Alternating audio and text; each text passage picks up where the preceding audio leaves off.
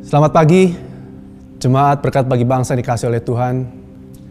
Selamat hari Minggu, saya berharap bahwa setiap Bapak Ibu Saudara dalam keadaan bersuka cita, dalam keadaan penuh dengan semangat, dan penuh gairah baik di dalam melayani Tuhan maupun dalam kehidupan sehari-hari. Sebelum kita mendengar firman Tuhan, mari sama-sama kita berdoa di hadapan Tuhan. Bapak kami mengucap syukur Tuhan untuk kami boleh kembali beribadah di hadapan-Mu. Kami berdoa untuk Engkau Tuhan menyertai setiap kami di mana pun kami berada. Engkau memberkati setiap hati kami Tuhan untuk kami boleh menerima setiap firman-Mu. Menanamkan dalam setiap hati kami dalam-dalam dan kami boleh menjadi orang-orang yang melakukan firman-Mu Tuhan. Ini jemaat-Mu Tuhan, ini gereja-Mu Tuhan. Di mana pun kami berada kami berdoa, Engkau menyertai setiap kami. Terima kasih Tuhan untuk pagi ini, untuk kesempatan kami untuk boleh mendengar firman-Mu. Mari saudara yang siap mendengar firman Tuhan sama-sama katakan amin. Pada pagi hari ini firman Tuhan yang ingin saya bagikan saya ambil dari Lukas pasal yang ke-19 ayat yang pertama sampai ayat yang ke-9. Saya ingin beri judul khotbah pada hari Minggu ini mengenai Love You 3000 atau mengasihi Tuhan 3000 kali. Mari kita baca di Lukas 19 ayat yang pertama sampai ayat yang ke-9. Yesus masuk ke kota Yeriko dan berjalan terus melintasi kota itu. Di situ ada seorang bernama Zakheus, kepala pemungut cukai dan ia seorang yang kaya. Ia berusaha untuk melihat orang apakah Yesus itu, tetapi ia tidak berhasil karena orang banyak, sedang sebab badannya pendek. Maka berlarilah, berlarilah ia mendahului orang banyak, lalu memanjat pohon ara untuk melihat Yesus yang akan lewat di situ. Ketika Yesus sampai ke tempat itu, ia melihat ke atas dan berkata, Zakheus, segeralah turun, sebab hari ini aku akan menumpang di rumahmu. Lalu Zakheus segera turun dan menerima Yesus dengan sukacita. Tetapi semua orang yang melihat hal itu bersungut-sungut katanya, ia menumpang di rumah orang berdosa. Tetapi Zakheus berdiri dan berkata kepada Tuhan, Tuhan, setengah dari milikku akan kuberikan kepada orang miskin. Dan sekiranya ada sesuatu yang kuperas dari seseorang, akan kukembalikan empat kali lipat. Kata Yesus kepadanya, hari ini telah terjadi keselamatan kepada rumah ini, karena orang ini pun anak Abraham. Saudara dalam perjalanan Tuhan Yesus menuju uh, melewati kota Yeriko. Jadi pada waktu itu Tuhan Yesus sedang melewati kota Yeriko untuk ke satu tujuan.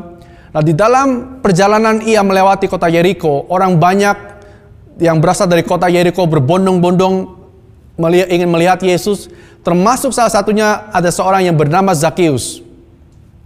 Zakheus adalah seorang pemungut cukai. Boleh dikatakan orang-orang Yahudi pada zaman itu tidak menyukai Zakheus sebagai seorang pemungut cukai. Saya ingin bagikan sedikit mengenai pemungut cukai. Jadi pada waktu itu orang Yahudi atau bangsa Yahudi berada di bawah pemerintahan bangsa Romawi. Di mana bangsa Romawi di dalam menjalankan pemerintahannya, dalam melakukan pembangunan, dan juga untuk membiayai, membiayai para tentara, mereka memungut pajak dan cukai dari daerah jajahannya. Termasuk pada waktu itu bangsa Yahudi ini termasuk dalam wilayah jajahan bangsa Romawi. Nah, di dalam proses pemungutan pajak dan cukai, maka muncullah orang-orang yang disebut dengan pemungut cukai, yaitu orang-orang yang berasal dari daerah jajahan yang bekerja untuk bangsa Roma untuk mengambil untuk menagih pajak dan cukai dari bangsa Yahudi. Pajak yang dibebankan kepada bangsa Yahudi sangat sangatlah besar. Itulah salah satu sebabnya kenapa bangsa Yahudi uh, sangat marah, sangat tidak suka dengan pemungut cukai. Karena beban pajak yang ditanggungkan kepada mereka sangat besar. Ada yang disebut dengan pajak e, perseorangan, ada yang disebut dengan pajak tanah. Di mana pajak perseorangan adalah pajak yang ditanggungkan kepada setiap orang yang berumur 12 tahun sampai umur 50 tahun, 65 tahun, mereka harus membayar pajak kepada pemerintahan Roma. Dan juga selain pajak perorangan, ada pajak tanah di mana setiap tanah yang menghasilkan sesuatu akan dikenakan pajak. Ada yang menulisnya 10 sampai 12 persen. Jadi begitu besar pajak yang harus dibayarkan oleh bangsa Yahudi, orang-orang Yahudi pada zaman itu. Dan selain pajak ada juga cukai, yaitu pajak yang dikenakan untuk setiap barang yang diperjualbelikan atau diperdagangkan pada waktu itu. Nah, pemungut cukai inilah yang menagih semua pajak dari bangsa Yahudi dan setorkan kepada pemerintahan Romawi. Mereka satu pajak uh, karena pajaknya begitu besar sehingga mereka marah. Dan yang kedua, mereka menganggap bahwa pemungut-pemungut cukai ini adalah orang-orang yang mengkhianati bangsanya sendiri. Karena mereka bekerja untuk pemerintahan Roma dan membuat bangsanya sendiri menjadi sulit. Itulah sebabnya kenapa mereka sangat tidak suka dengan Zakheus dan para pemungut cukai yang lainnya. Dan yang ketiga di Lukas 3 ayat 12 sampai 13 dikatakan, Aku datang juga, ada datang juga pemungut-pemungut cukai untuk dibaptis dan mereka bertanya kepadanya, Guru, apakah yang harus kami perbuat? Jawabnya, jangan menagih lebih banyak daripada yang telah ditentukan bagimu. Jadi selain pajaknya itu sendiri berat, selain pemungut cukai dianggap sebagai pengkhianat bangsa, apa yang membuat mereka membenci pemungut cukai adalah karena orang-orang yang memungut cukai, mereka sering kali menagih lebih banyak daripada tagihan yang harusnya mereka tagihkan kepada mereka. Jadi memang banyak oknum-oknum yang menagih lebih. Itulah yang membuat mereka sangat tidak suka kepada pemungut cukai. Kalau saudara perhatikan, Zakheus adalah pemungut cukai untuk satu wilayah yang disebut dengan Yeriko. Dan kalau saudara membaca di Matius 9, mereka, maka saudara akan mendapatkan bahwa adanya pemungut cukai lain untuk wilayah Kapernaum yang dikenal dengan Matius. Yang kemudian Matius ini menjadi muridnya Yesus sebelum Zakheus ini. Jadi memang bangsa Israel tidak menyukai pemungut cukai. Apa yang bisa kita ambil dari cerita tentang Zakheus ini? Yang pertama kita baca kembali di Lukas 19 ayat 3 sampai 4. Ia berusaha untuk melihat orang apakah Yesus itu, tetapi ia tidak berhasil karena orang banyak, sebab badannya pendek. Maka berlarilah ia mendahului orang banyak, lalu memanjat pohon ara untuk melihat Yesus yang akan lewat di situ. Jadi pada waktu itu situasinya adalah Yesus sedang melewati kota Yeriko, lalu orang banyak orang banyak datang berbondong-bondong untuk melihat Yesus, termasuk salah satu ada Zakheus. Nah, karena Zakheus badannya pendek, saudara bisa bayangkan bahwa Zakheus mencoba masuk dalam kerumunan orang banyak, mencoba untuk menerobos sedikit demi sedikit untuk bisa melihat Yesus ke depan. Nah, di dalam perjalanan Zakheus menerobos untuk melihat Yesus, saudara bisa bayangkan bahwa orang banyak yang ada pada waktu itu bisa merasakan bahwa ada satu orang yang sedang mencoba untuk menerobos untuk maju ke depan. Dan waktu mereka merasakan ada orang yang mencoba mendesak dan menerobos, mereka melihat, oh ini Zakheus. Dan reaksi mereka, mereka tidak berbuat apa-apa. Artinya begini, Zakheus bukanlah orang yang tidak dikenal di kota Yeriko. Karena Zakheus adalah pemungut cukai, boleh dibilang mungkin kepala pemungut cukai untuk wilayah kota Yeriko. Karena dialah yang akan memungut pajak dan menyerahkannya kepada bangsa Roma. Jadi boleh dibilang setiap individu, setiap orang berusia 12 tahun ke atas yang ditagih pajaknya, mereka semua kenal siapa Zakheus. Dan semua orang boleh katakan membenci Zakheus. Itu sebabnya kenapa ketika Zakheus mencoba untuk menerobos kumpulan orang banyak, orang banyak tidak peduli dengan Zakheus. Mungkin mereka melihat, oh ini Zakheus, tapi mereka tidak bergeming sama sekali. Mereka melihat ada orang di samping mereka dan mereka tahu, wah ini orang berdosa, wah ini pengkhianat bangsa. Mereka tahu, mungkin dalam hati nurani mereka mereka berkata, kasihan ini orang mencoba untuk melakukan sesuatu tapi tapi tidak bisa melakukan sesuatu. Tetapi mereka pun tidak berbuat sesuatu. Ketika kami mendidik anak-anak, termasuk waktu kami mengajar uh, kelas mendidik anak, kami mengajarkan yang pertama kali ketika mereka masih kecil adalah kami mengajarkan mereka untuk bisa bersimpati kepada orang lain. Artinya ketika mereka melihat orang lain dalam kesusahan, kami mulai mengajarkan kasihannya orang itu tidak bisa makan.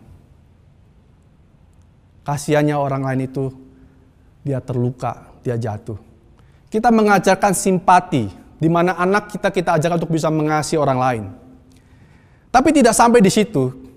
Langkah berikutnya yang harus kita ajarkan kepada anak-anak adalah bagaimana kita mengajarkan anak-anak kita bisa berempati kepada orang lain.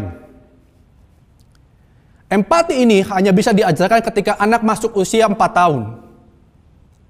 Empati adalah satu uh, satu kalian di mana anak kita atau kita bisa merasakan apa yang dirasakan oleh orang lain. Jadi waktu kita melihat uh, waktu kita melihat ada orang susah, kita mengajarkan pada anak kita, kasihannya orang itu. Mungkin usia 2-3 tahun kita hanya bisa mengajarkan, kasihan orang itu tidak bisa makan. Kasihan orang itu sedang terluka. Kasihan orang itu sedang sulit. Tetapi waktu kita mengajarkan empati, kita mengajarkan lebih dalam, di mana kita mulai berkata dan mengajarkan dan berkata, kalau seandainya kamu ada dalam posisi itu, seandainya kamu juga tidak bisa makan, apa yang kamu rasakan? Kalau kamu sedang dalam kesulitan atau seandainya kamu jatuh dari sepeda itu, apa yang kamu rasakan? Gak enak rasanya. Rasanya sakit. Nah ini kita bisa ajarkan kepada anak-anak yang sedang mulai ketika anak berusia 4 tahun. Jadi jangan ajarkan anak untuk bisa empatik pada orang orang lain di usia 2 atau 3 tahun. Mereka tidak bisa. Kenapa mereka tidak bisa? Karena di bagian otak manusia ada namanya orbitofrontalis cortex di mana bagian otak ini berkembang menunjukkan empati, uh, bekerja dalam empatinya manusia. Ada satu orang yang sangat jenius yang bernama Theodore John Kosinski. Dia adalah seorang yang sangat jenius tercatat dalam satu sejarah, punya IQ 145. Dia lulus dalam uh, dia lulus dari Universitas Harvard di usia 14 tahun dan ia memperoleh gelar, gelar doktor di usia 16 tahun. Dan lalu dia menciptakan satu uh, rakitan bom yang tidak bisa terdeteksi. Lalu kemudian dia keluar dari tempat di mana dia mengabdi. Dan pada akhirnya dia mulai menteror orang dengan bomnya. Pada waktu orang ini ditangkap, lalu diperiksa dan diteliti, dan ternyata didapatkan otak bagian empatinya ini sangat sekali kecil. Jadi sangat penting bagi setiap kita untuk mengajarkan anak-anak kita dan bukan cuma anak-anak tapi setiap kita belajar untuk bisa berempati kepada orang lain. Dan ketika anak-anak kita sudah bisa mulai berempati kepada orang lain, apa yang harus kita lanjutkan berikutnya?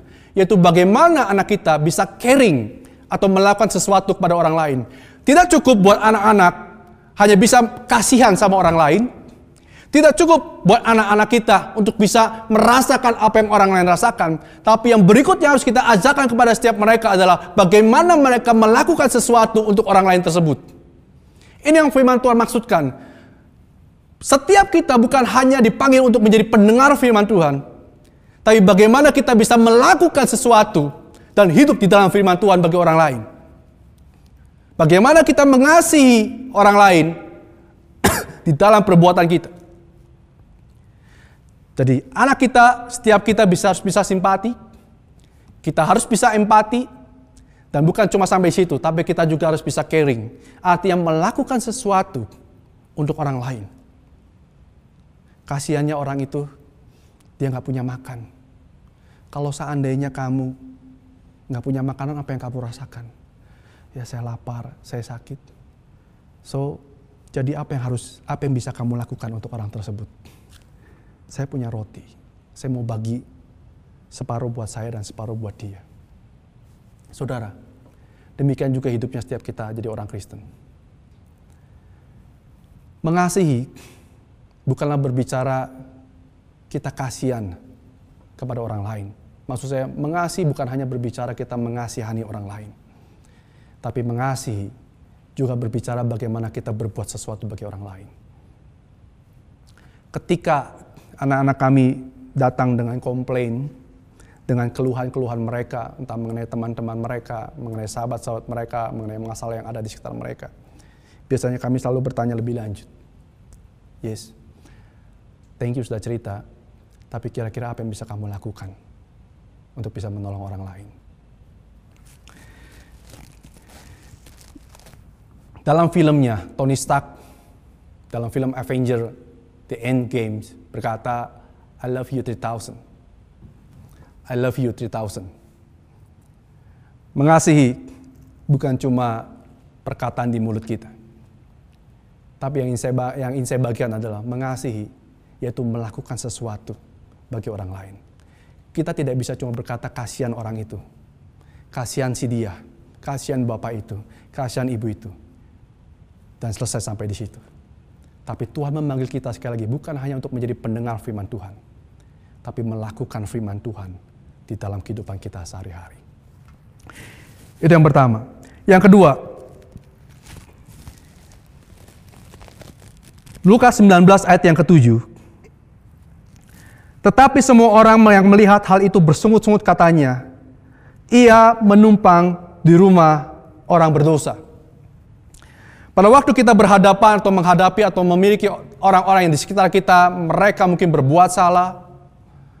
Seringkali yang muncul dalam hati kita adalah kita selalu bersungut-sungut dan marah kepada mereka. Tapi mari kita buka di Yohanes 8 ayat 3 sampai 11. Saya akan baca firman Tuhan buat saudara. Maka Pak, maka ahli-ahli Taurat dan orang-orang Farisi membawa kepadanya seorang perempuan yang kedatangan berbuat zina. Mereka menempatkan perempuan itu di tengah-tengah lalu berkata kepada Yesus, "Rabi, perempuan ini tertangkap basah ketika ia sedang berbuat zina. Musa dalam hukum Taurat memerintahkan kita untuk melempari perempuan-perempuan yang demikian. Apakah pendapatmu tentang hal itu?" Mereka mengatakan hal itu untuk mencobai dia, supaya mereka memperoleh sesuatu untuk menyalahkannya. Tetapi Yesus membungkuk, lalu menulis dengan jarinya di tanah. Dan ketika mereka terus-menerus bertanya kepadanya, ia pun bangkit berdiri, lalu berkata kepada mereka, Barang siapa di antara kamu tidak berdosa, hendaklah ia yang pertama melemparkan batu kepada perempuan itu. Lalu ia membungkuk pula dan menulis di tanah. Tetapi setelah mereka mendengar perkataan itu, pergilah mereka seorang demi seorang, mulai dari yang tertua. Akhirnya tinggallah Yesus seorang diri dengan perempuan itu yang tetap di tempatnya. Lalu Yesus bangkit berdiri dan berkata kepadanya, Hai perempuan, di manakah mereka? Tidak adakah seorang yang menghukum engkau? Jawabnya, tidak ada Tuhan. Lalu kata Yesus, Aku pun tidak menghukum engkau. Pergilah dan jangan berbuat dosa lagi, mulai dari sekarang. Satu cerita yang buat saya menarik. Pada waktu itu orang Farisi datang kepada Yesus membawa seorang wanita yang kedapatan berzina dengan orang lain. Dan mereka bertanya kepada Tuhan, apa yang harus aku lakukan? Apa, apa, yang, apa yang harus dilakukan kepada perempuan ini? Hukum Musa mengatakan jika ada orang berzina, maka perempuan ini harus orang itu harus dilempar dengan batu sampai meninggal. Jadi memang wanita ini dikatakan mereka eh, wanita ini memang akan dihukum untuk untuk dilempari batu sampai mereka meninggal, sampai dia meninggal. Dan pada waktu Tuhan Yesus berada di samping perempuan ini, yang Tuhan Yesus lakukan adalah Tuhan Yesus tidak pergi dari perempuan ini, tapi Tuhan Yesus membungkukkan diri dan menulis sesuatu di lantai. Apa yang ditulis oleh Tuhan Yesus tidak ada yang tahu. Tapi satu hal yang saya tangkap adalah Tuhan Yesus tidak meninggalkan wanita ini. Tuhan Yesus tidak marah-marah, tidak bersungut-sungut mengenai wanita ini. Saudara sering kali dalam kehidupan kita ketika kita bertemu, berhadapan dengan orang-orang yang mungkin berbuat salah dalam kehidupan kita. Kita bersungut-sungut. Mungkin kita ingin menghukum dia. Dan kita meninggalkan dia.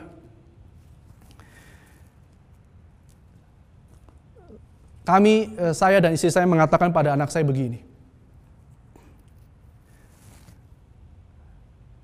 Kalau seandainya suatu kali ketika kalian nanti sudah besar dan kalian melakukan satu kesalahan dan semua teman-teman kalian menyalahkan kalian, marah sama kalian dan meninggalkan kalian. Papi mami akan jadi orang yang akan ada selalu bersama sama di samping kamu. Bukan untuk membenarkan kesalahan yang sudah kalian lakukan tapi karena papi mami adalah papi mami kamu. Karena kamu adalah anak-anak kami. Saudara, di dalam kita menghadapi orang-orang di sekitar kita, tidak ada satu orang pun yang sempurna. Saudara punya dosa, saya punya dosa, dan setiap kita yang ada di sini punya dosa. Hanya saja kita melakukan dosa dengan cara yang berbeda setiap orang. Ada yang kelihatan, ada yang tidak kelihatan. Tapi setiap kita punya kelemahan dan setiap kita punya dosa. Tapi syukur kepada Tuhan. Di dalam kasih karunia-Nya, kita diberi kekuatan untuk kita bisa bangkit, hidup berkemenangan demi kemenangan, demi kemenangan. Hanya di dalam nama Yesus, kita dipulihkan, kita disucikan dari setiap dosa-dosa kita. Tapi ketika kita berhadapan dengan orang-orang yang ada di sekitar kita, kalau saudara mengasihi mereka 3000 Kalau saudara mengasihi mereka, maksudnya 3000 bukanlah 3000 kali saudara saudara dan saya mengasihi mereka. Tapi yang dimaksudkan adalah kita mengasihi mereka tanpa batas. Kita mengasihi mereka tidak pernah terhitung banyaknya. Berapa kali kita harus mengasihi, mengampuni orang yang bersalah kepada kita. Kata murid Tuhan Yesus kepada Tuhan Yesus. Lalu Tuhan Yesus menjawab, 70 kali 7. Artinya selalu kita mengampuni setiap kesalahan mereka. Apa pun yang mereka lakukan, apa pun mereka yang, yang mereka perbuat, kasihlah mereka dan jangan tinggalkan mereka. Saudara ini yang ingin saya bagikan. Kalau kita berkata pada hari ini kita mengasihi mereka, jangan tinggalkan mereka. Tapi adalah, tapi ada bersama-sama dengan mereka. Temani mereka. Mereka butuh orang yang bisa mengerti hidup mereka. Mereka perlu orang yang bisa mereka percaya untuk ada bersama-sama dengan mereka dalam hidup mereka. Kalau kita mengasihi mereka, maka bukan cuma hanya sekedar keluar dari mulut kita kasihan. Tapi mari, saya ingin mendorong setiap kita jemaat berkat bagi bangsa. Lakukanlah sesuatu bagi orang-orang tersebut. Kasihan tidaklah cukup tetapi melakukan kebenaran firman Tuhan dan berbuat sesuatu bagi mereka. Itulah yang disebut dengan mengasihi. Amin. Mari Bapak Ibu Saudara, saya undang untuk menundukkan kepala dan berdoa di hadapan Tuhan. Bapak kami berdoa Tuhan pada pagi ini. Kami berdoa. Engkau memakai setiap kami Tuhan, jemaatmu Tuhan. Untuk bisa mengasihi Tuhan. Untuk bisa bersimpati untuk bisa berempati terhadap orang-orang yang ada di sekitar kami. Bahkan lebih daripada itu kami berdoa. Jadikan kami orang-orang yang bisa melakukan sesuatu kepada setiap mereka Tuhan. Pakai kami Tuhan jemaatmu Tuhan. Bukan hanya untuk berkata-kata, tapi untuk bertindak Tuhan di dalam kebenaran firman-Mu karena kami mengasihi setiap mereka. Terima kasih Tuhan, kami menyerahkan ibadah kami Tuhan ke dalam tangan-Mu di dalam nama Tuhan Yesus kami berdoa dan kami mengucap syukur. Mari sama-sama kita katakan, amin.